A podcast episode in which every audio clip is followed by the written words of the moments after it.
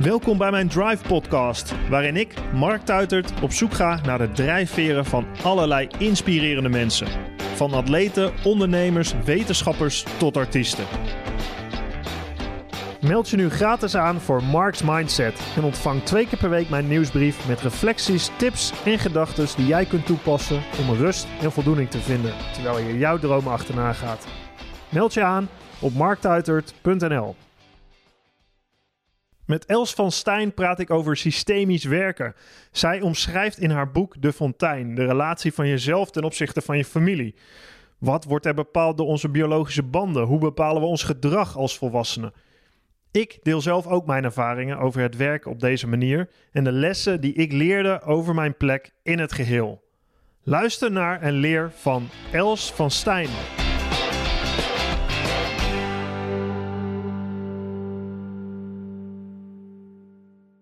Els van Stijn zit hier tegenover mij en we gaan het uh, hebben over, volgens mij, uh, want daar gaan je boeken over, uh, familiesystemen. Mm -hmm.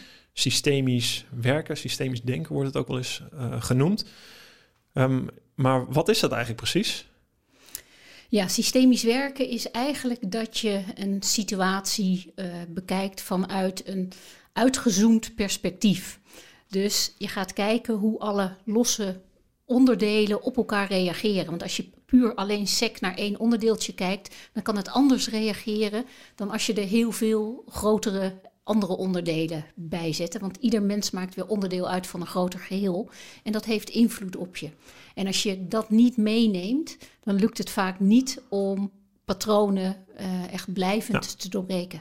Dus eigenlijk wat je zegt is als je, hey, we zijn allemaal geneigd als je persoonlijke ontwikkeling, dat is ook een, een van mijn thema's, veel mee bezig. Maar als je uh, ook de luisteraars van mijn podcast trouwens krijg ik veel vragen over. Maar dat is heel erg gericht op, op jezelf en op wat jij kan veranderen, moet veranderen, wat je kan leren. Maar er zit natuurlijk heel veel in je omgeving, in de mensen waarom je heen zit. En ook als je het hebt over familiesystemen, waar je, waar je, waar je een boek over gaat, over, over een bloedband die heel belangrijk is.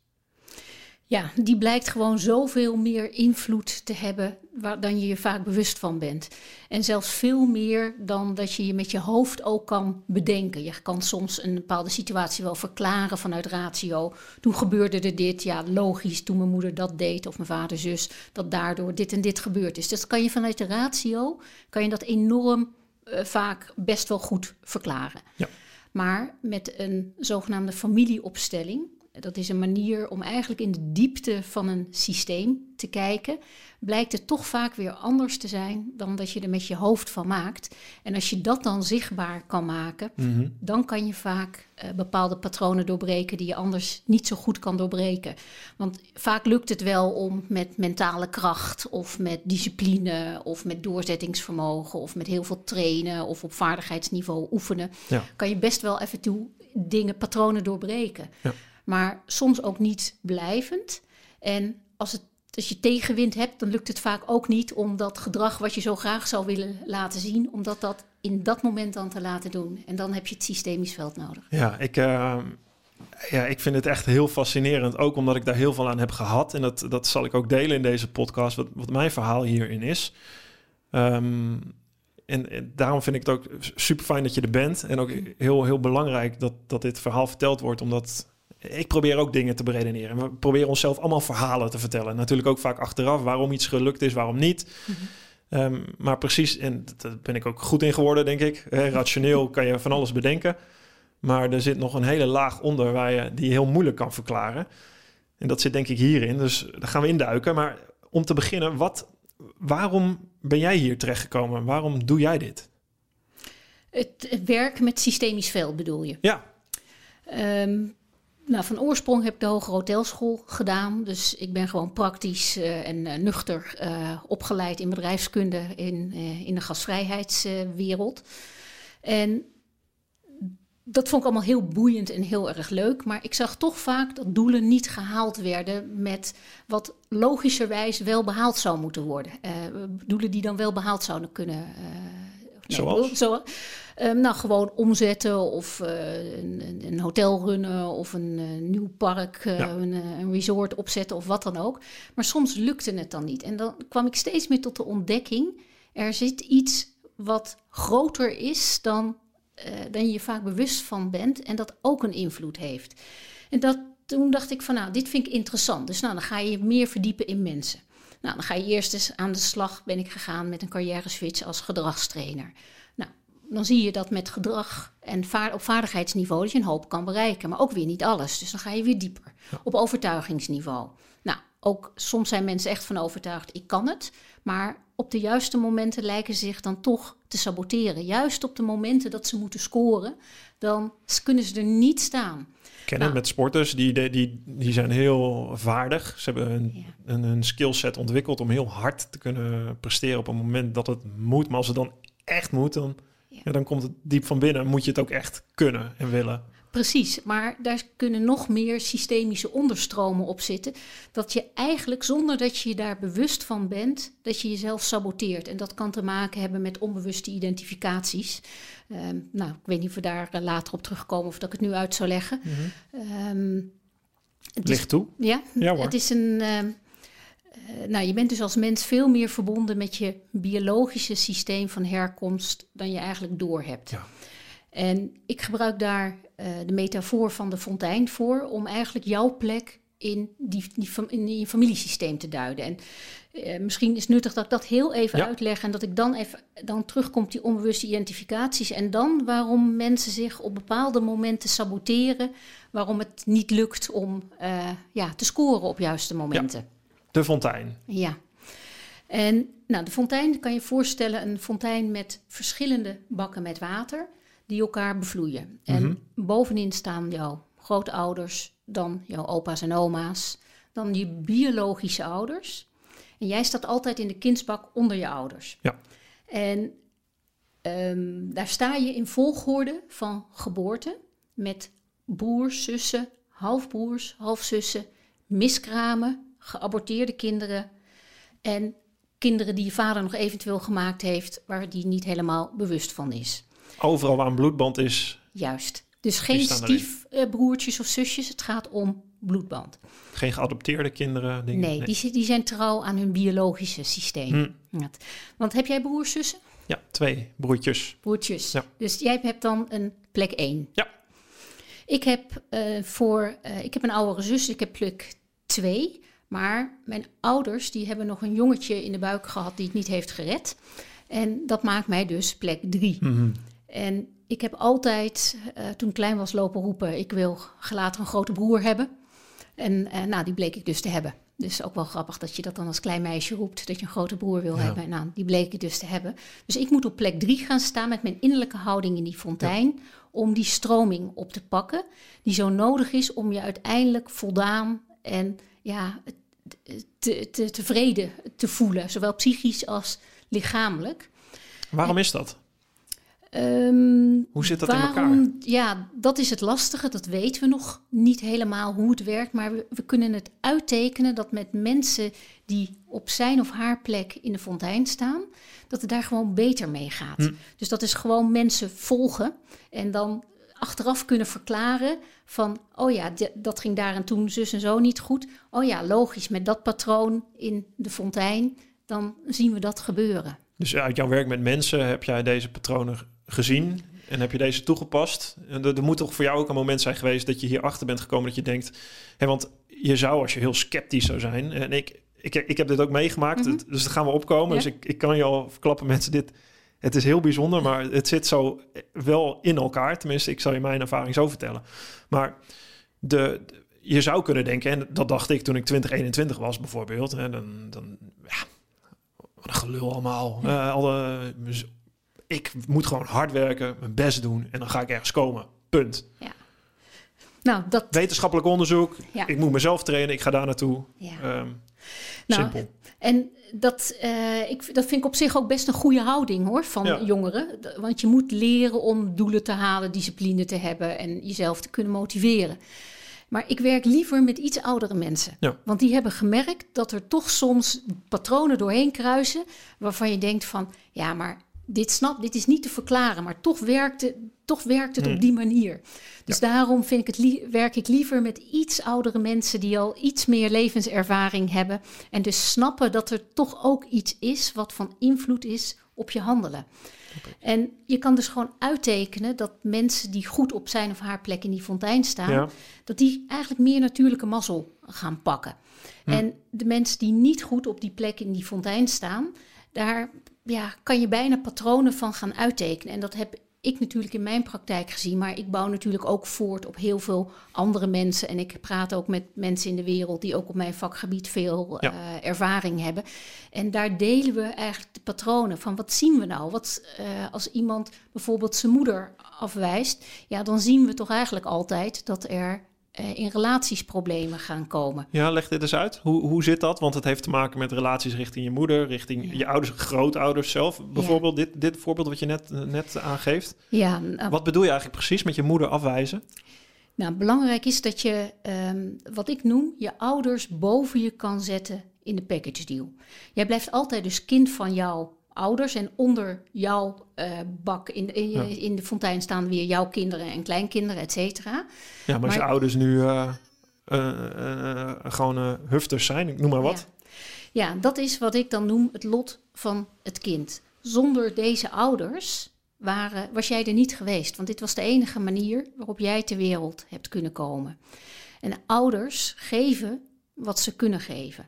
Als ze meer hadden kunnen geven, dan hadden ze dat gedaan. En dat, er zijn redenen waarom dat niet lukt. En dat is eigenlijk over het algemeen dat de ouders dan ook tekorten hebben opgelopen in die fontein. Zij hebben niet op de, op de eigen plek in die fontein gestaan. Ze zijn misschien voor hun ouders gaan zorgen, of jouw opa's en oma's dan misschien. En dus, eh, of ze zij hadden een oordeel over hun ouders.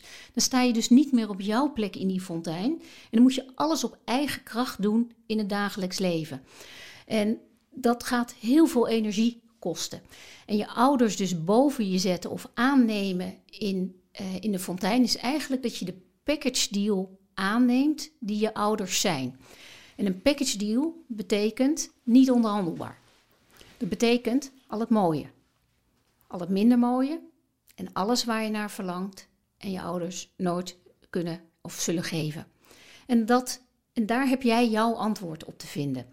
En zowel op een rationeel niveau, dan ga je vaak een verhaal maken wat verklaart waarom het zo gegaan Ja. is. En dat is ook absoluut Mijn nuttig. moeder want kon er niet zijn, want eh, nou ja, was depressief. Nou, in het geval van mijn moeder bijvoorbeeld. Of, of mijn vader Ja, was er nooit. Zulke soort dingen. Dat zijn dan verklaringen waarvan je denkt, oké, ja, dit, dit is nou eenmaal zo. Klopt. En dan lijkt het alsof je iets hebt verwerkt. Alleen verwerken doe je op twee niveaus. Dat doe je dus met je hoofd, met die ratio, dus ook dat verhaal Mhm. maken. En dat is ook gewoon heel nuttig dat je dat doet. Ja. Maar het tweede niveau van verwerken is ook in je lichaam. Dat je daar ook een emotionele verwerking in doet. En dat je eigenlijk de, de scherpe randjes van, dat, van die pijn, die eenzaamheid, die wanhoop, dat verdriet, die afwijzing, dat je die gaat voelen.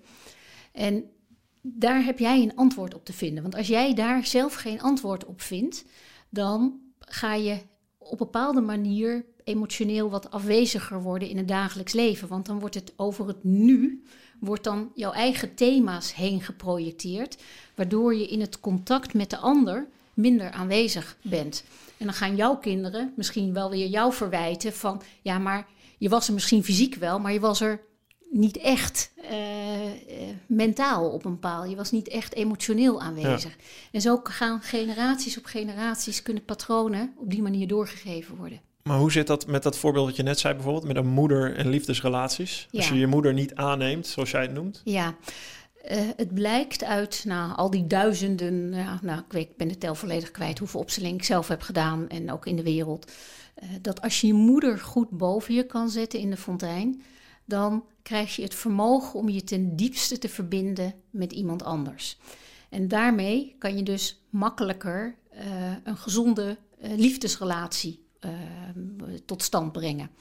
Want als jij je niet echt kan verbinden met iemand anders, kan je op bepaalde momenten ook niet ontvangen van een ander. Dan is het er misschien wel, Mhm. maar je kan het niet aannemen. Maar wat is dat? Wat, wat bedoel je concreet? Hè, ik probeer het even. Mhm, ik, ja. ik hoor, ik begrijp denk ik ook wat je zegt. Het is alleen wat is dan concreet verbinden met je moeder in dit geval? Hoe ziet dat eruit?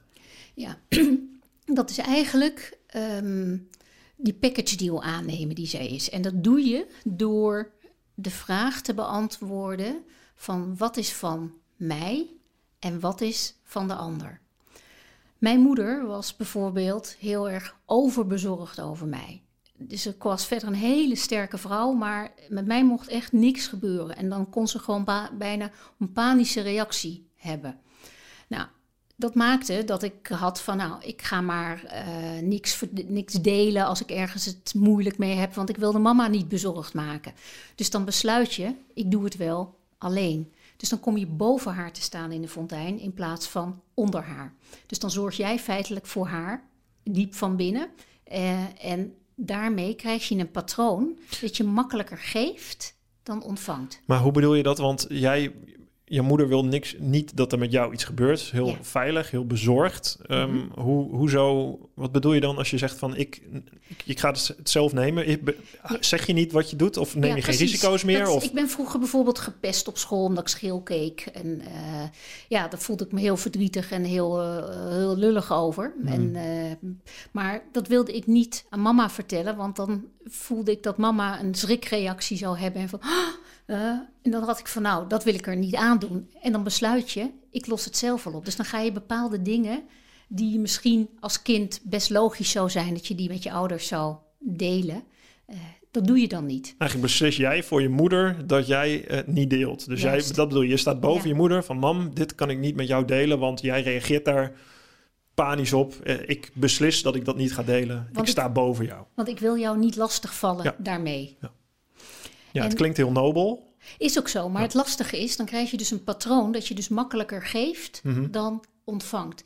En je moet in het leven en ook in relaties kunnen ontvangen. En wat bedoel je daar precies mee? Ontvangen? Um, nou, ontvangen kan van alles zijn. Ook in een relatie kan aandacht, liefde, steun, seks, geld, gezelligheid. Uh, dat kan er allemaal voor je zijn. Maar als jij daar niet ja tegen kan zeggen, dan wordt het heel moeilijk, want dan ga jij niet ontvangen.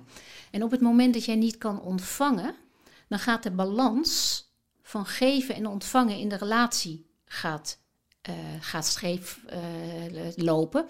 En dan wordt het een ongezonde relatie. Zoals, want wat, hoe kan ik, moet ik dan ergens ja tegen zeggen? Wat bedoel je met niet kunnen ontvangen? Ik probeer het heel concreet te krijgen van wat is, wat is dat dan? Um, in het verleden had ik um, uh, dan was ik ze, had bijvoorbeeld heel hard gewerkt, was heel moe. En dan deed mijn echtgenoot uh, nou, uh, allerlei praktische dingen in huishouden. En dan deed hij ook nog extra dingen van, uh, die eigenlijk ik ook een stuk zou kunnen of willen regelen. Maar hij zei van, nou, dat doe ik wel, ga jij maar lekker op de bank zitten. Ja. Maar dat kon ik niet uithouden, dus dan stond ik toch alweer het huis schoon te maken of dingen te regelen. Terwijl het was er voor me. Ik hoefde alleen maar ja te zeggen. Ik hoefde alleen maar op die bank te gaan zitten. Maar ik kon het niet ontvangen.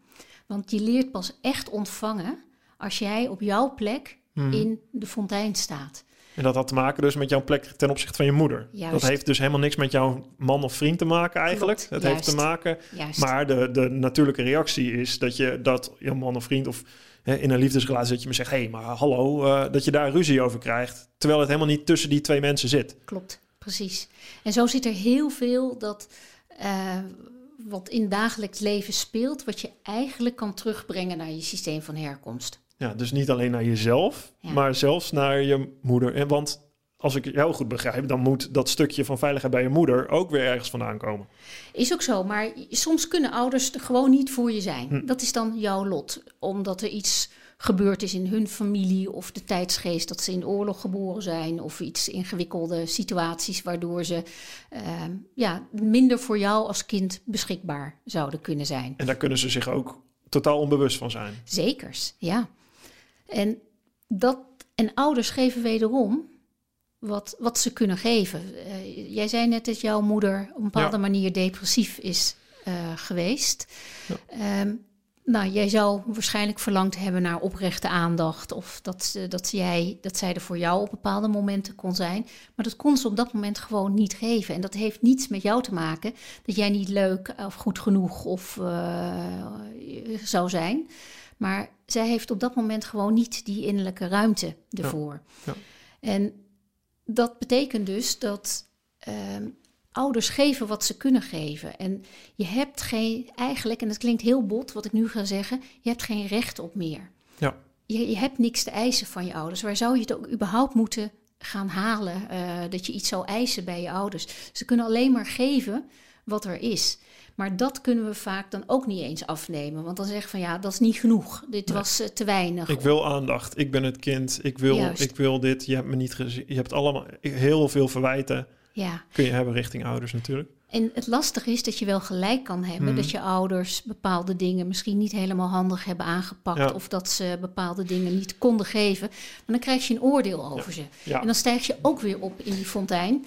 En dan die hele kritische houding die je over je ouders legt, die ga je ook vervolgens weer over jezelf leggen. Ja, nou hier, eh, hier zal ik even op inhaken. En dit Oh, vind ik best wel, eh, dit is mijn persoonlijke ervaring hiermee. En eh, ik, dit, is, dit heb ik moeten leren delen ook, omdat ik daar, eh, nou, omdat het gewoon echt heel persoonlijk is. Mhm. Eh, maar ik heb gemerkt dat hoe vaker ik het verhaal vertel, zeg maar, laat ik het zo beginnen. Als, als ik, ik, ik, word, ik, ik spreek veel voor zalen, maar nu meer webinars, dan gaat het over motivatie en natuurlijk hè, mensen een verhaal van goud winnen, onderuit gaan, wat ik ook veel meer heb gedaan. Ik heb twee keer de Olympische Spelen gemist, et cetera, et cetera, heb ik lessen van geleerd. Maar het hele sportverhaal, dat vinden mensen prachtig en leuk, maar wat ze, merk ik, achteraf waar ik alle vragen over krijg, is de, het moment dat ik het verhaal heb verweven van mijn ouders daarin en een vechtscheiding die mijn ouders hebben meegemaakt en mijn rol daarin. Mhm.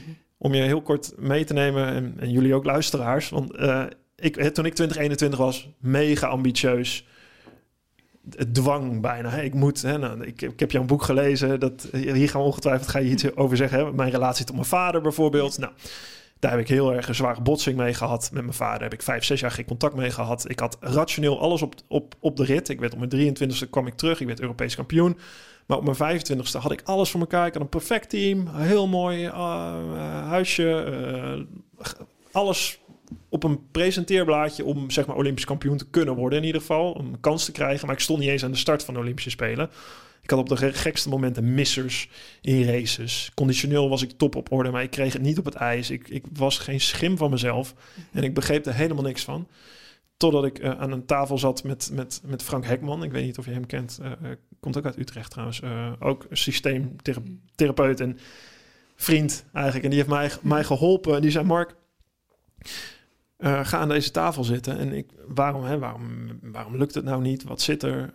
Uh, en hij begon dus inderdaad uiteindelijk over mijn ouders. En mijn, mijn vader en mijn moeder waren al in, zwaar in een vechtscheiding. En die strijd tussen die twee mensen. Hij vroeg eigenlijk, hè, hij zette twee kopjes koffie op een tafel. Mm-hmm. Uh, nou ja, een soort fontein. En hij gaf mij een glas water en zei, Mark, waar sta jij? Ja, en hij mm-hmm. gaf mij een glas water en ik, ik zette dat neer naast mijn moeder. Mm-hmm. Die ondersteunde ik met raad en daad. Ik heb ooit een huis voor haar gekocht en mijn ja. broertjes, zodat wij er konden wonen. Ik als oudste in het gezin opgestegen boven mijn moeder, weet, Klopt, weet ik nu inmiddels. En boven mijn broertjes, waar ik al stond natuurlijk.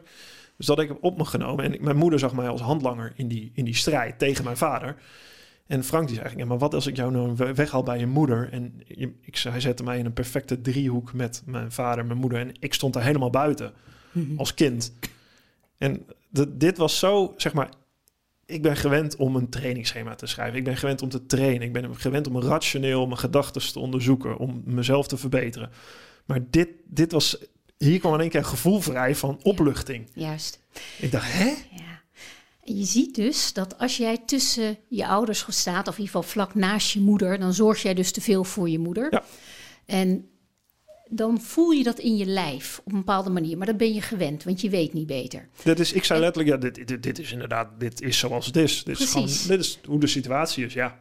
Iedereen dan, heeft zijn situaties. Ja, en dan merk je dus dat door systemische interventies, dat het gegeven moment lukt, wat ik dan noem afdaal in de fontein naar de kindsbak, dat je opeens ruimte voelt, dat je ademhaling beter gaat stromen, dat je in je nek minder druk voelt van de last die je draagt om voor je moeder te zorgen. En dat doe je wel überhaupt vanuit een diepe liefde, want een kind wil niks liever dan dat het de ouders goed gaat. Alleen het gaat jou dan niet goed. En op het moment dat jij op jouw plek in die fontein staat, maakt het nog steeds niet uit wat jouw ouders wel of niet kunnen doen of niet kunnen doen, of ze leven of niet leven, dan gaat die fontein stromen en dat voel je in je lichaam. En dat is het bijzondere van opstellingenwerk en dit soort systemische interventies. Je voelt direct een andere kracht in het lichaam ja. stromen.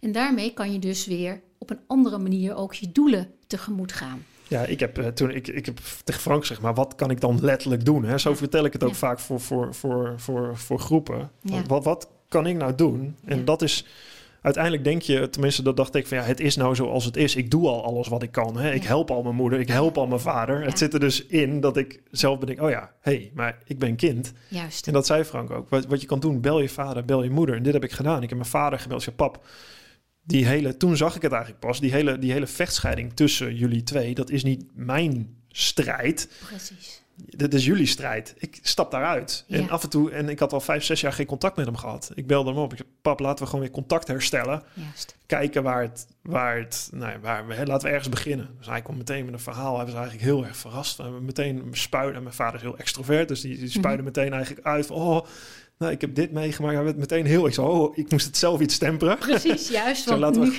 ja. Laten we het gewoon rustig, eh, rustig aan. Want af en toe, en dat heb ik dan van Frank ook wel geleerd. Want ik, ik, ik- tegen mijn vader te vertellen van, ik mis af en toe gewoon een vader. Ja. Die er voor me kan zijn als ik, als ik een, weet ik veel, een huis wil kopen, een hypotheek afsluiten. Hoe zit dat precies? Hè? Hoe, pap, hoe werkt dat? Eh, een auto of over voetbal praten of, o- of over een ondernemer. Mijn vader is altijd ondernemer geweest. Hè? Ik, ik ging me heel erg afzetten. Ik wil niet ondernemen, ik wil niet ondernemen. Kijk hoe hard mijn vader werkt, wat hij doet, hoeveel stress hij ervan heeft. Nou, wat ben ik aan het doen?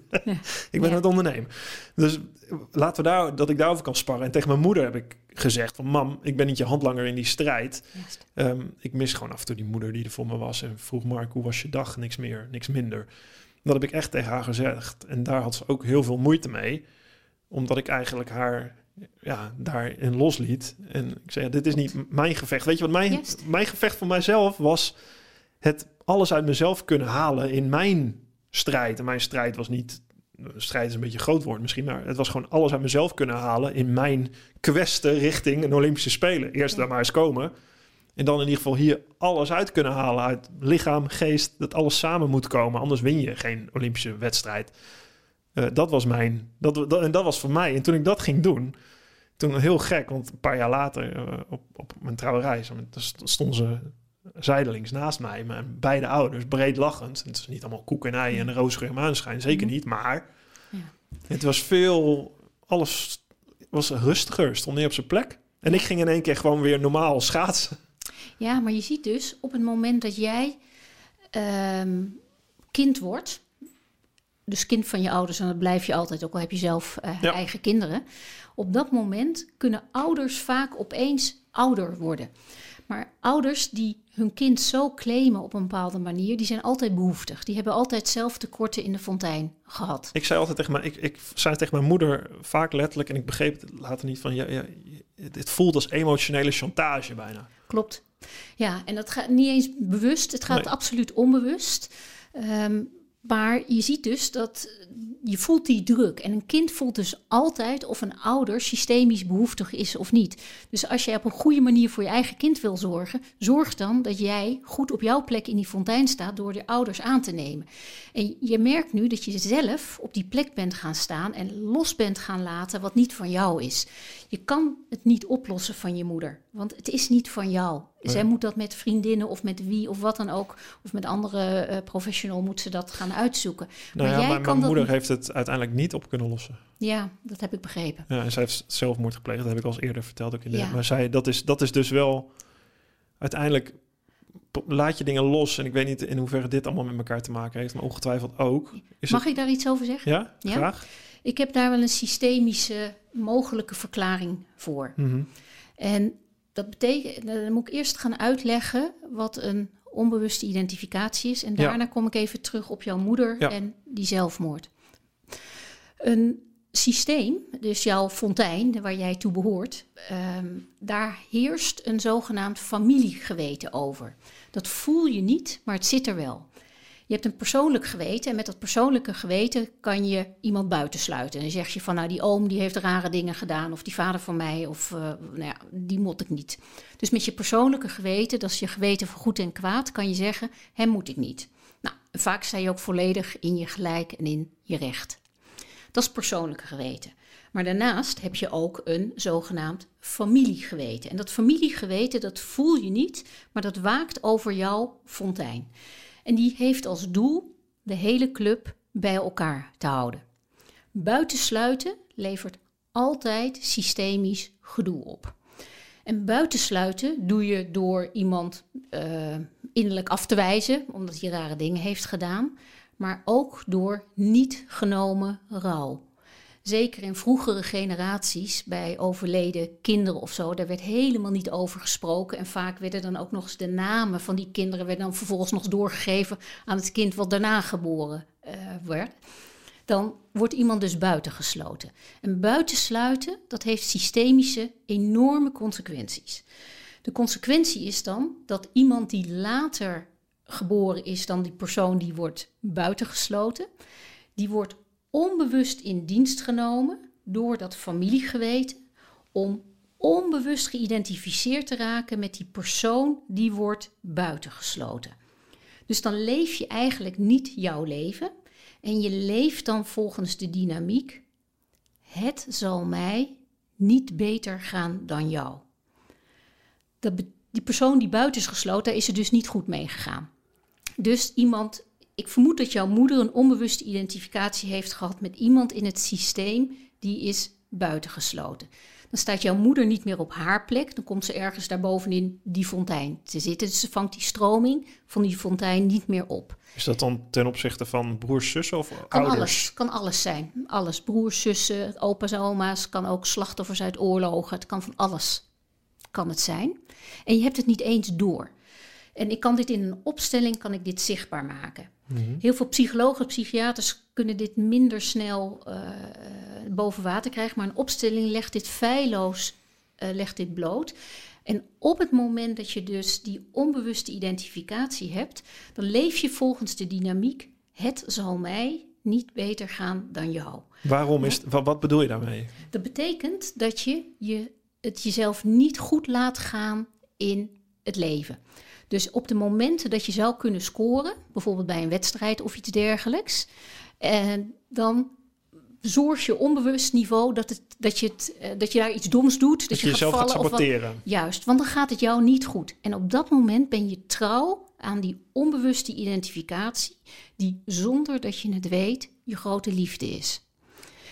En, Hoe je grote liefde is? Ja, eigenlijk in een opstelling, dan leg, dan leg ik zo'n, uh, dat, dan zie je, dan stel ik een persoon neer voor die, uh, die onbewust, die persoon met wie je onbewust bent geïdentificeerd. En je ziet daar tussen de persoon die onbewust geïdentificeerd is met die persoon die buiten is gesloten, daar zie je een ongelooflijk diepe liefde. En je ziet dan dat bij zo'n persoon zie je rust en vrede ontstaan. Want dat is de grote liefde. En ontrouw worden, als het ware, aan die grote liefde van die persoon die wordt buitengesloten bij een onbewuste identificatie, dat is niet om uit te houden. Dus eigenlijk, als je het jezelf niet goed laat gaan, voel je je diep van binnen eigenlijk gelukkig. Maar daarmee kan je eigenlijk niet in het leven staan. Want iedere keer als het even wat beter met je gaat, dan is dat niet uit te houden. En dan zorg je wel weer dat er iets gebeurt waardoor het weer slechter gaat. En dan gaat het weer beter. En dan gaat het weer slechter. En ik zie bij zelfmoorden heel vaak van waarom pleegt de ene wel of geen uh, zelfmoord. Daar zit, wat ik er tot nu toe van gezien heb in opstellingen, zit eigenlijk bijna altijd een onbewuste identificatie. Erbij. Dus de ultieme zelfsabotage. Ja, en maar ook je, met die persoon die is weggegaan, buitengesloten. Dus dat volg je. Ik zeg niet dat elke zelfmoord, uh, iemand die onbewust geïdentificeerd is, per se zelfmoord pleegt. Maar wat ik er tot nu toe van in mhm. opstellingen heb gezien, is dat daar een onbewuste identificatie vaak aan vastzit. Naast een uiterlijke reden dat in het dagelijks leven dat iemand voor de ratio het logisch is dat iemand zelfmoord pleegt. Ja, nou ja, volgens mij, wel, jij, jij zegt er iets over in je boek ook. Dat zo, um, het kan ook iets zijn. Um, richting je ouders? Of, of hè, de, want dat je iemand achterna gaat. Ja. Mhm. Zeg jij volgens mij, een, ik heb het idee, wat jij, hè, mijn moeder had bijvoorbeeld een, hele, een soort band met haar vader ook, die, die, die ook depressieve klachten heeft gehad uh, en, en nog, nog zwaarmoedig kon zijn. Maar volgens mij had daar een hele zware connectie. En uh, toen mijn opa overleed, was het het is een soort, het laatste gedeelte van haar leven had, uh, verlangde ze heel erg terug naar de jeugd, naar de, wilde ze een soort vluchten in, bijna in de armen van de, van de vader, terug naar de jeugd, een beetje die, die richting in.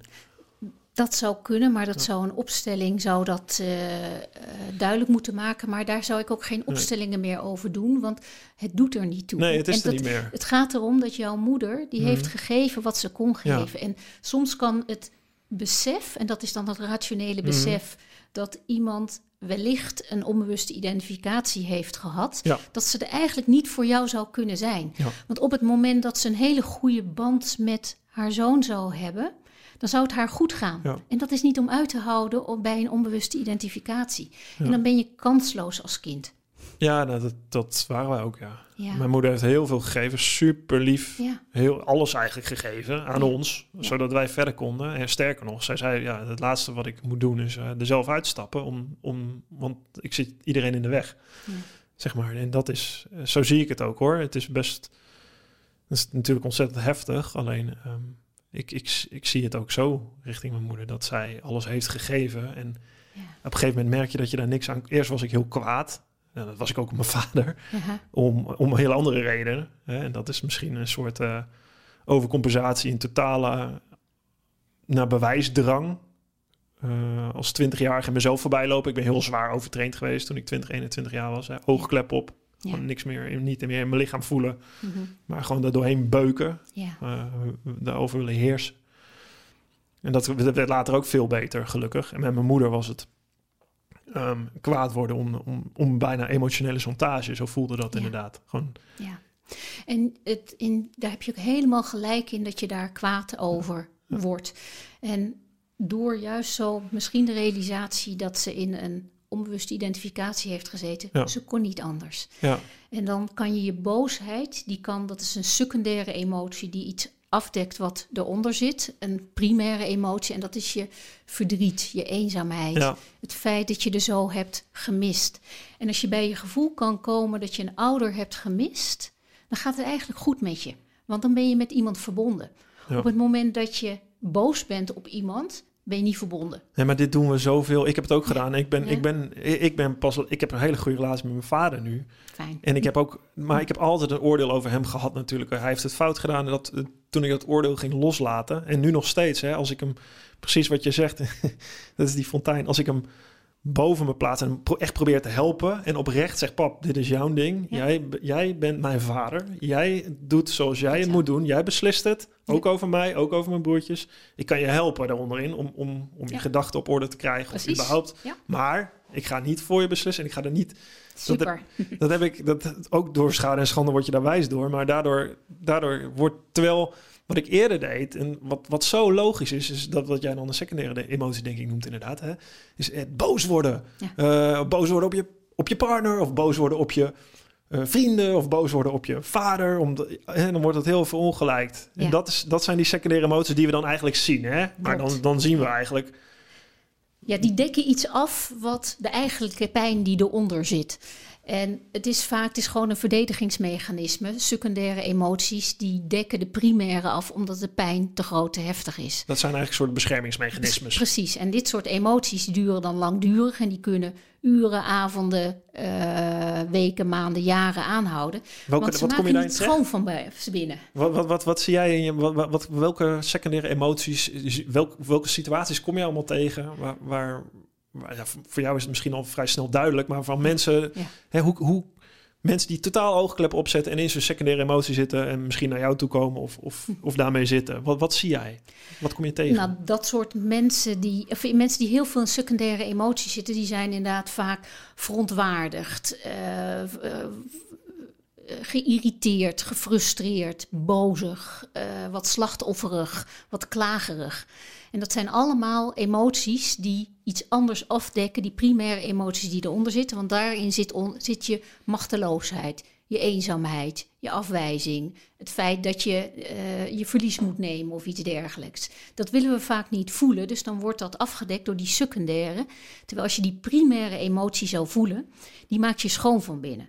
En dat duurt vaak maar 1 tot, of nou, zeg maar 10 seconden tot 2 minuten. Dat je, als je die primaire emotie echt voelt, en dan word je schoongemaakt van binnen. En dan gaan die scherpe kantjes eraf. En dan ga je dus iets echt verwerken. Wat bedoel je dan wat schoongemaakt van binnen? Die primaire emoties die je voelt. Dus uh, dan heb je niet over de boosheid, maar het verdriet. Of, of de...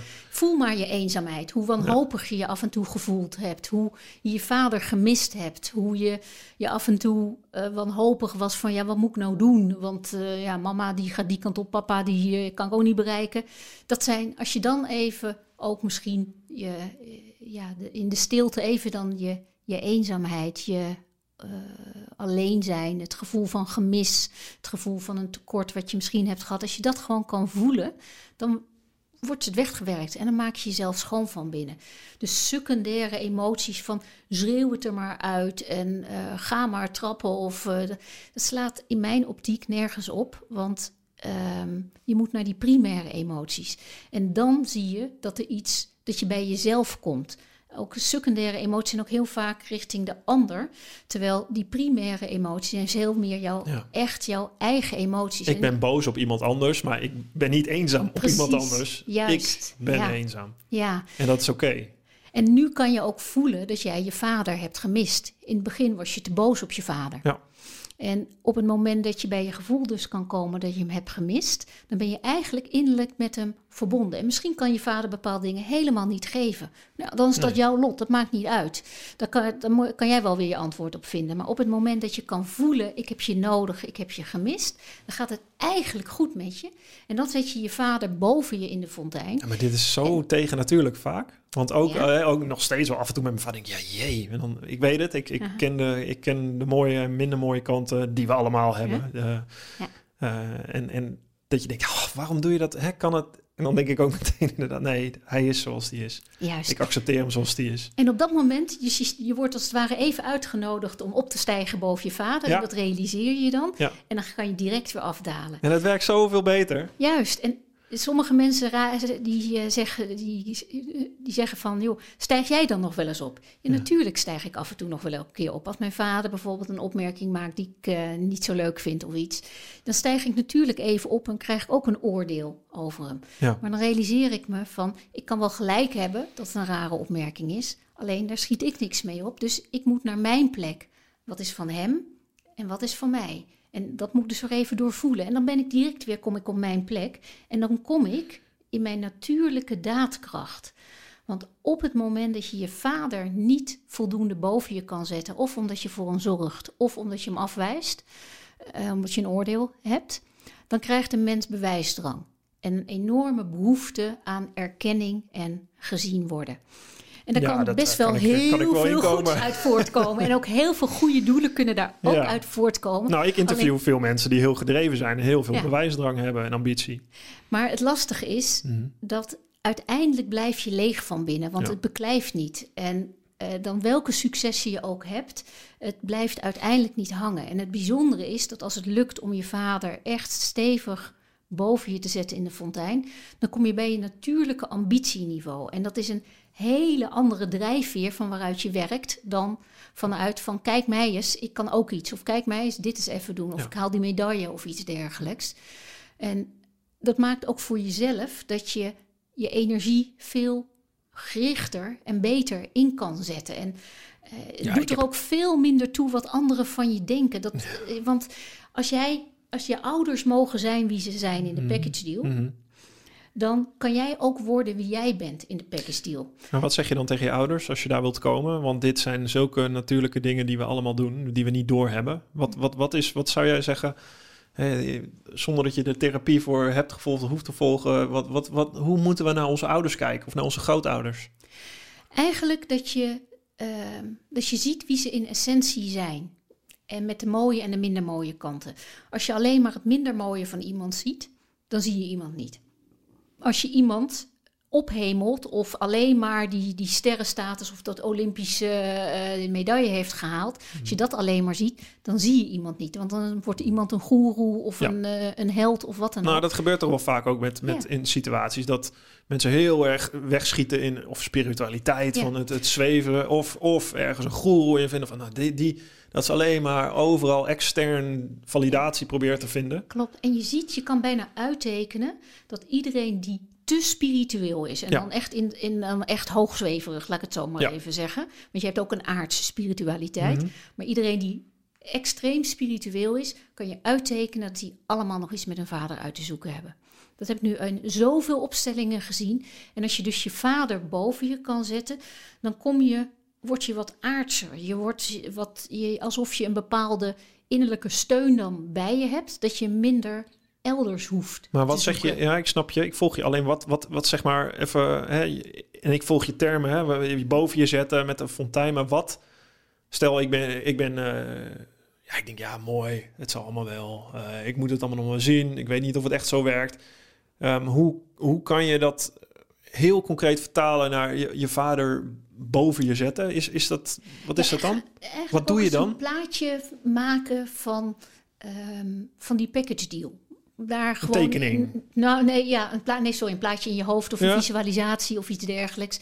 Dat je ook ziet van hoe liefdevol hij vroeger jou geleerd heeft om uh, slagbal te gaan spelen. Ik noem maar mhm. even iets. Maar ook hoe onhandig die er was toen jij met een vraag over je vriendinnetje kwam en je vader geen thuis, ga niet thuis gaf of iets dergelijks. Dus dat je hem eigenlijk veel meer kan, helemaal kan gaan zien wie die is. En dat je ook misschien eens interesse hebt en gaat vragen stellen van, joh, hoe was dat nou voor jou papa toen jouw vader zo vroeg overleed of altijd uh, of wegliep voor die andere vrouw of iets dergelijks. Mhm. Gewoon eens gaan luisteren zonder oordeel. En ja, hij heeft ook ouders. Hij heeft ook uh, of een bepaalde tijdsgeest. En ook vrouwen die uh, toen ze moesten trouwen in het verleden hun hele carrière op moesten geven. Ja, vertel eens, mama, van hoe was dat voor jou of iets dergelijks? Ja, er zijn natuurlijk, ik heb zoveel mensen gesproken die, uh, ik heb ook door intervisietrajecten gelopen. Ik, ik, kom, ik spreek ook voor, voor grotere zalen, maar ook met, met managementteams, met directeuren. En, en soms vertel ik het verhaal. Dan komen ook vaak ook de C-level mensen naar me toe. Die, die, dat is wel grappig. Dan komen ze altijd terug op dit verhaal van mijn ouders en zeggen ja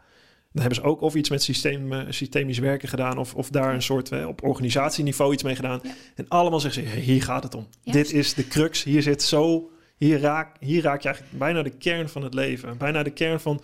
Je hebt het over biologie. Bijna ja, voortplanten en, en overleven. De, de, de, de, de biologische natuur waar we allemaal in op zijn gegroeid. En al die rare dingen die in de natuur gebeuren. De, de heftige dingen, de mooie dingen, de alles wat erin zit. En dat nemen we allemaal mee. Alleen we leggen er een laag overheen van, van boosheid of van onbegrip of van jaloezie. Of van... Ja. We accepteren die natuur heel slecht. Klopt. En het mooie is dus dat je het wel steeds meer in, de, eigen, in eigen hand hebt om die, eigenlijk die natuur en die wetmatigheden die daarin zitten, ook in dat hele systemische veld, om die goed te richten. Dat heb je in de basis, heb je dat zelf in de hand. Want je ouders die kunnen je bijvoorbeeld bij je geboorte af hebben gestaan, maar dan, en daarna heel hard weg zijn gelopen, maar dan nog steeds kan jij je ouders wel innerlijk boven je zetten. Want het gaat uiteindelijk om je innerlijke houding. En, als je, en hoe jij in die fontein staat, dat neem je mee in je dagelijks leven, in relaties en in werk. Want ook in werk, ehm, als iemand zijn vader niet goed boven zich zet, kan je uittekenen dat hij mot met autoriteiten gaat krijgen. Dat hij heel veel leiding geven en de lagen erboven daar vaak helemaal niet boven zich kan dulden. Nou, dat zijn diezelfde dynamieken. Of er komt een keer een manager waar je dan helemaal tegenop kijkt van wauw, dit is wauw, dit is een gave gast. En dan zie je eigenlijk een dubbelbeeld achter die manager, want er staat dan je vader. Maar die manager moet dan soms een beslissing nemen eh, van die niet zo goed voor jou als werknemer is. En dan ben je extreem boos en gepikeerd, want dat mag hij toch niet doen. Want eigenlijk is dat wat jij van je vader verwacht. Dus je projecteert dat beeld van je vader dan op die manager. Dus zo gaat. Dus wat ik begeleid heel veel directies ook en hoge of, en allerlei grote ondernemers in Nederland. Uh, ik praat over dit soort dingen ook met hen. Hoe zitten zij daar aan die directietafel? Wat uh, het systemisch veld ook in organisaties, en ook in organisatie, die heeft ook zo'n organisatie geweten, waar ik het ook toen straks met jouw moeder over had, zo'n familie geweten. Ook in een organisatie zitten ook organisatie gewetens met ook die bepaalde wetmatigheden. Ja, ik vond het heel mooi wat jij ook, dat schreef je in je, in je nieuwe boek. Um, want als je, ik heb een start-up, uh, als je het hebt over, over, dat kennen heel veel ondernemers denk ik, er zijn natuurlijk conflicten. De grootste de factor waarom, waarom start-ups niet falen is niet omdat ze geen product market fit hebben of niet per se. Dat de grootste of de grootste bron van conflict zijn conflict onderling tussen de, oprichters of de founders. En dat is heel heftig. Ik heb, hè, wij kunnen met z'n drieën heel, heel goed, omdat we elkaar de waarheid durven zeggen en eerlijk heel erg tegen elkaar proberen en durven te zijn, komen we eh, door heel veel dingen goed heen, vind ik.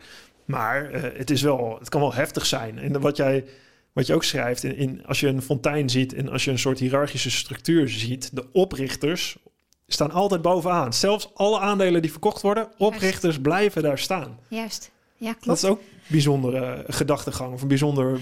Nou, maar je ziet het dat in bedrijven waarin oprichters geëerd en erkend worden, Mhm. daar gaat het bedrijf beter bij. Dat kan je gewoon uittekenen.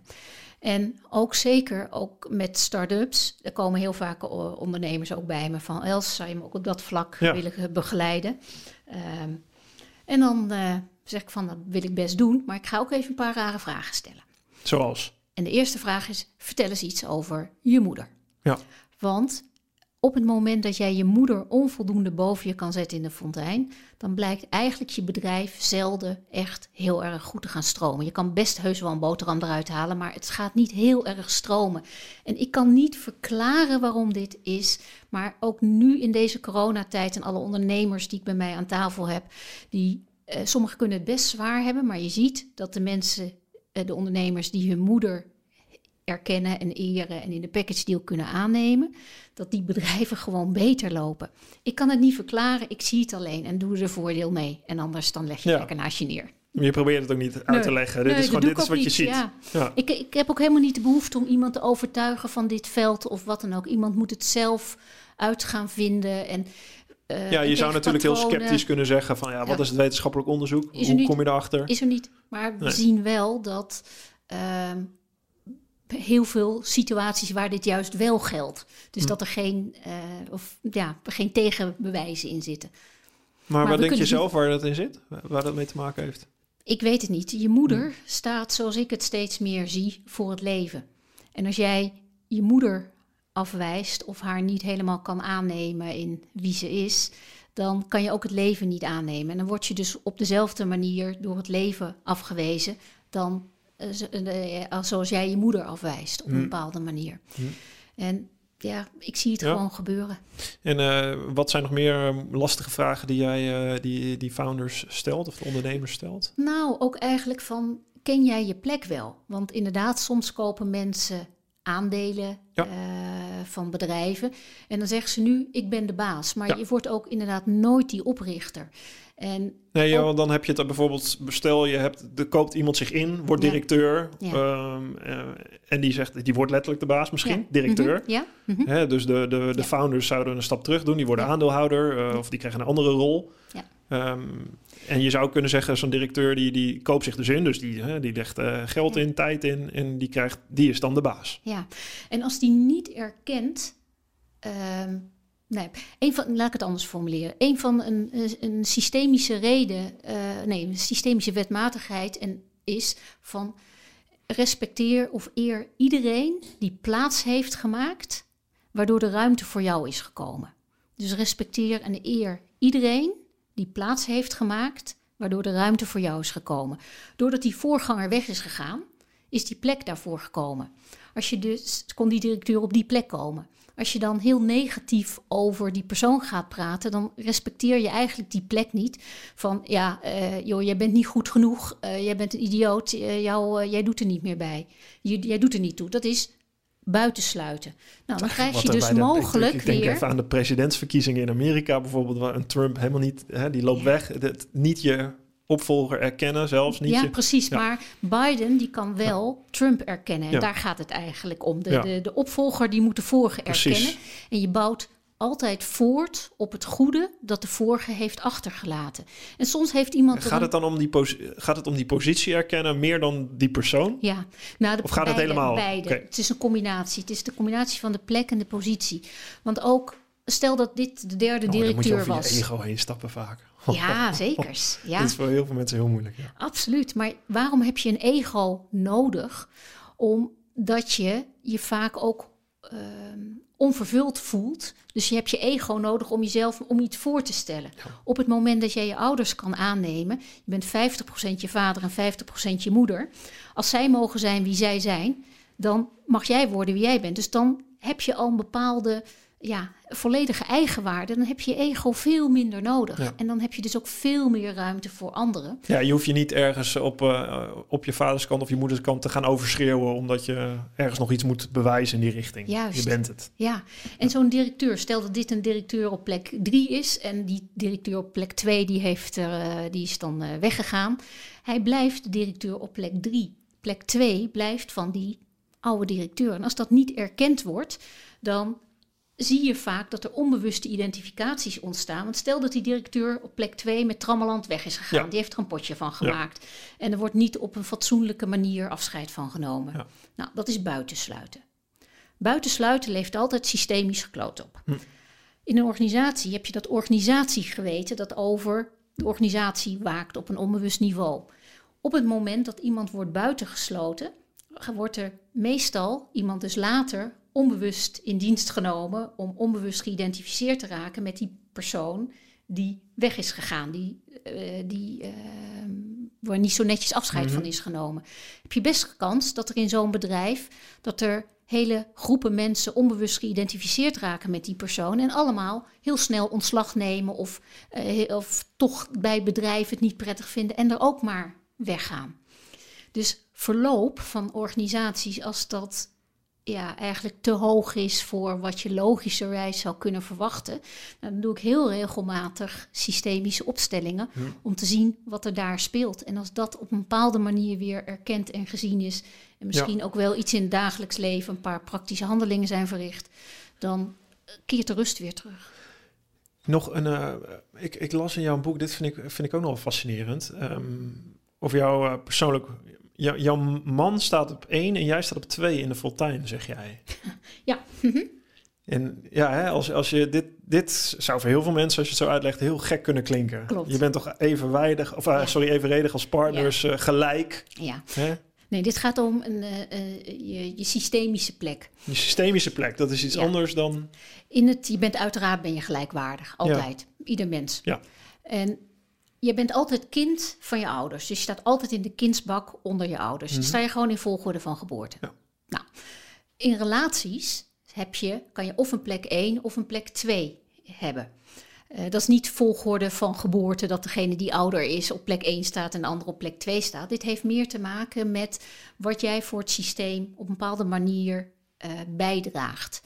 In de, in de essentie. Want een plek 1 die doet eigenlijk de verdediging van een systeem naar buiten toe.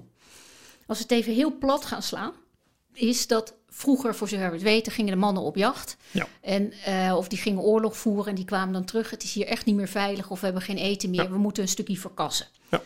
Dus plek 1 doet de verdediging van het systeem naar buiten en bepaalt daarmee direct ook een aantal randvoorwaarden voor plek 2.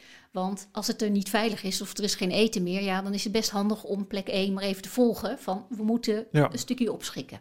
Eigenlijk de verantwoordelijkheid voor die plek 1 is veiligheid bieden, zorgen dat, we, dat het systeem overleeft. Dat de familie. En plek 2 die doet de bescherming van het systeem naar binnen toe. En beide plekken die staan ten dienste van elkaar. Plek 1 die staat ten dienste van plek 2 en plek 2 die staat ten dienste van plek 1. En dan zou je dus denken dat degene, dat de man op plek 1 staat en de vrouw op plek 2. Maar dat blijkt niet zo het geval te zijn.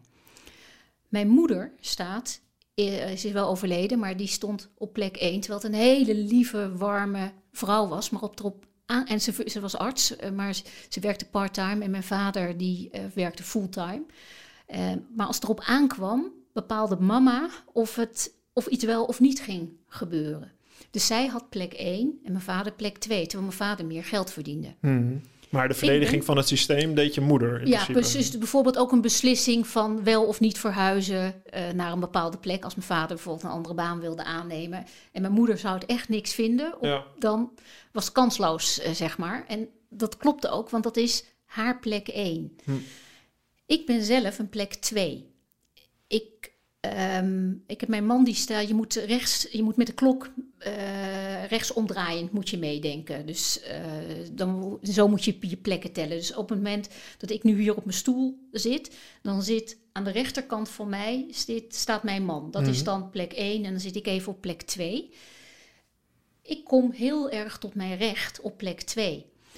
Um, ondertussen, uh, want hij regelt bepaalde dingen voor me die ik ingewikkeld vind. Mhm. En ik ben absoluut een enorm zelfstandige vrouw. Ik kan alles zelf regelen. Maar ik vind het heerlijk om dat extra te kunnen Mhm. ontvangen, waar ik een beetje in de luwte sta, waardoor ik extra bij mijn talenten kan komen. En ik verdien nu veel meer dan hij, doordat mijn boeken eh, Ja. zo ongelooflijk goed lopen en mijn praktijk ook als een zonnetje eh, loopt.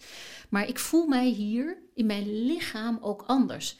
Als ik mijn echtgenoot nu zeg maar op plek 2 even zou zetten, aan de andere kant naast me, voel ik direct een bepaalde spanning in mijn lijf komen. Alsof ik alerter moet zijn of iets dergelijks. En dan kan ik hem ook minder zien. Ja. Terwijl als ik op mijn plek 2 sta en hij op plek 1, dan kan ik hem ook volledig zien. Ik voel me ontspannener, ik kan meer om me heen kijken, ik voel meer adem. Dus je plek in het familiesysteem, in je relatie, die eigenlijk in essentie van jou is, als je daar gaat staan, dan stroomt je lichaam ook veel meer. Je bent veel meer ontspannener, vrijer, je kan dieper ademhalen, et cetera. Ik ken heel veel mensen die, ehm, die of we nou één of twee noemen, die, ehm, die eigenlijk allebei die rollen vervullen of willen vervullen. Hè? Dat ze allebei eh, een soort overlevingsmechanisme hebben. Hè? We willen allebei, we moeten allebei geld verdienen en allebei op ons eigen poten kunnen staan. We moeten allebei net zo gelijk voor de kinderen kunnen zorgen. We moeten allebei net zo gelijk, gelijk, gelijk, gelijk, gelijk, gelijk, gelijk. Ehm, is dat, is, dat zo'n, is dat een systeem miskennen? Of is, Nee, dat, nou, kan, dat zou kunnen, maar niet per se. Het kan ook gewoon voort kunnen komen vanuit je waarden. Mhm. Een van mijn waarden is ook vrijheid. Ja. Dus ik wil ook, geld is daarom op een bepaalde manier belangrijk, want dat geeft mij vrijheid. Ja. Ehm, Dat eh, kunnen Dus- we elkaar eh, de hand schudden. ja, en, dus, en dat, ik, ik zal dus ook altijd mijn eigen geld verdienen. Hmm. Per definitie. Ja. Daar heb ik geen man voor nodig. Nee. Maar ik voel me gewoon meer op mijn gemak op die plek 2. Maar ondertussen heb ik waarden die bepalen dat ik inderdaad ook van... ik zal altijd zelfstandig zijn. Hmm. Als, ik, als ik hem niet leuk zou vinden of Ja. wat dan ook... Dan, dan stap ik op, dan ben ik weg. Want ik Mhm. weet dat ik in mezelf... eh, ik vind mezelf prima gezelschap. Dus ik heb niet per se een man nodig. Maar het is wel heel fijn om zo...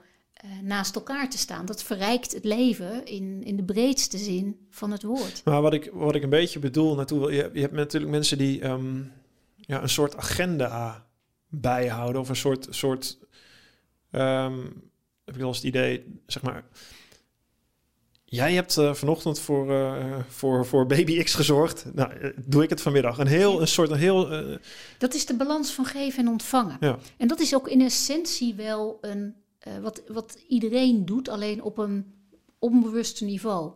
Een relatie, hmm, dus alles behalve tussen ouders en kinderen, maar alle andere relaties, ook zakelijke en eh, relaties, is een constante uitwisseling van geven en ontvangen. Ja. En we hebben allemaal hebben we een onzichtbaar evenwichtsorgaan Ja. van wat de stand is van geven en ontvangen. En op het moment dat die relatie soepel loopt, dan weet je van ja, de ene keer geeft de ene keer een beetje meer dan de ander. Dat, dat komt wel weer eh, op zijn pootjes terecht. ja, dat, bedoel ik. wel weer. ja, Maar op het moment dat je dit zo moet gaan bijhouden, ja. dan voel je dus eigenlijk dat je tekorten aan het oplopen eh, bent. Ja, of dat het een soort weegschaal bent. Dat je van Ja. elkaar altijd bezig bent van... oh ja, ik heb zoveel gegeven. Nou, dan wordt nu tijd voor mij om te nemen. Terwijl... Maar dan moet je dus naar je ouders gaan kijken. Wat zit er nog in je familiesysteem dat je zo dingen bij je partner afdwingt of opeist, Ja. waarvan je denkt dat je recht erop hebt, waar je helemaal geen recht op hebt, vrijwel Ja. zeker. Dat is eigenlijk een zie uitnodiging om naar je ouders te gaan kijken Hm. en wat je daar nog in die relatie te doen hebt. Want wat zouden dat voor dingen kunnen zijn? Nou, op het moment dat jij tekorten hebt gehad in het familiesysteem, omdat jij bent opgestegen in, eh, in de fontein, dan ga je die, dat tekort eh, ga je onbewust claimen bij je partner of bij je kinderen. Of bij de overheid, of bij de werkgever of iets dergelijks. Daarvan die dwing je eigenlijk eh, op een bepaalde strenge manier af. Dat moet jij voor mij regelen, dat moet jij voor mij doen. Nee, het is fijn als ze dat voor je doen. Maar je moet zelf bepaalde dingen ook regelen. Ja. En door je innerlijke houding naar je ouders, eh, nou, met die package deal, als je ze op die manier kan aannemen, als je dat steeds beter voor elkaar krijgt, dan voel je ook steeds minder dat je tekorten zou hebben of wat dan ook. En bovendien ga je eigenlijk ook als je goed in die fontein staat, een steeds grotere gunfactor krijgen. Want mensen voelen in, als ze bij je zijn, dat zij niet iets dat je geen verborgen agenda hebt, dat zij iets voor jou nog moeten doen. Je kan volledig dan aanwezig zijn en nieuwsgierig zijn naar de ander. Want jij hoeft niet iets voor mij te doen. En dat bedoel je met stromen eigenlijk. Dan gaat het stromen en dan, komt, dan, dan valt alles natuurlijk op zijn plek. In plaats van dat je alles via een tijdschema of een agenda of een Hè, zo werkt het denk ik bij organisaties ook en bij aandeelhouders als compagnons ook. Als je met elkaar, eh, iedereen, iedereen, iedereen elkaar geven en nemen moet noteren, ja, dan dat, dat wordt verschrikkelijk. Dan ben je, word je boekhouder en uh, niet meer ondernemer of geliefde. Ja. En dan kun je jezelf dus zijn als je echt, als dat gaat stromen. Dus eigenlijk zoals jij zegt in je relatie ook, dat je dat de natuurlijke functie uh, kun je eigenlijk vervullen en daar voel je ook ja. meer. Ja, dat voel je je fijn bij. Ja, en dit heeft absoluut niets te maken dat ik niet geëmancipeerd zou zijn. Integendeel. Maar ik ken mijn plek en ik, voel me, ik voel me gewoon het krachtigst ook. En dat blijkt ook bij de meeste mensen het geval te zijn. Als je echt op jouw plek mm. staat, dan ben je gewoon het krachtigst vanuit een, eh, vanuit een stukje natuurlijke kracht in plaats vanuit geforceerde kracht. Ja, en dat geforceerde is dan, hey, je, je, plek 2, plek 1, hè? Weet je, dit alleen al, een nummer van een plek zou al voor iemand een gegeven kunnen zijn van... Hè, de, de feministe, man of vrouw, staat in mij op en ik denk, hé, hey, maar ik hoor je te staan. Waarom dan? Want we moeten het recht trekken. En, en daar, hè, daar zit volgens mij ook een hele maatschappelijke discussie uh, achter, wat nog een groter systeem is, als ik, als ik hem mocht volgen. Nou, die gaan we, daar gaan we nu niet op in. um, fascinerend, fascinerend. Ik... Uh, ja, er zit, uh, er zit heel veel in. Misschien moeten we nog een keer een podcast doen, uh, nummer twee, uh, over een tijdje. Want ik vond het ontzettend leuk. Els van Stijn. De Fontein, Maakwijze Keuzes.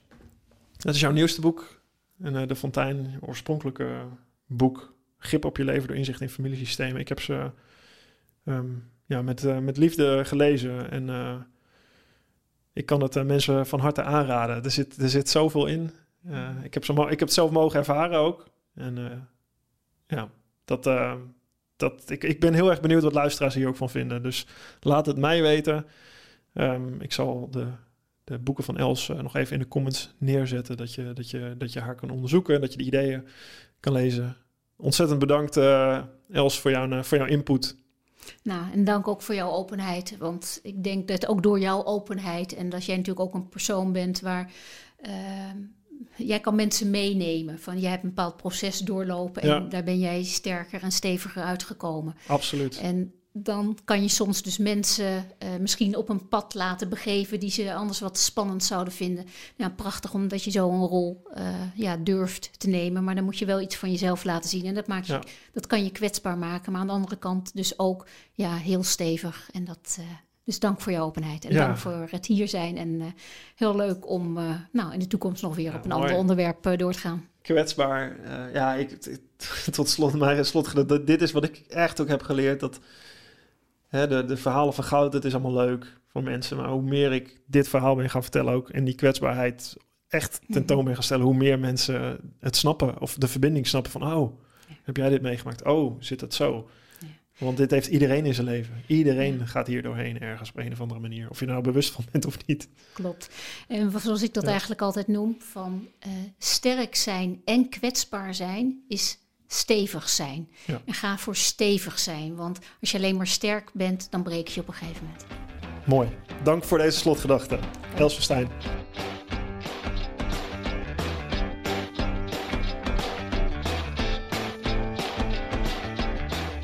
Dank voor het luisteren naar mijn Drive podcast. Je vindt mijn aflevering op Spotify, iTunes, YouTube en mijn website marktuitert.nl.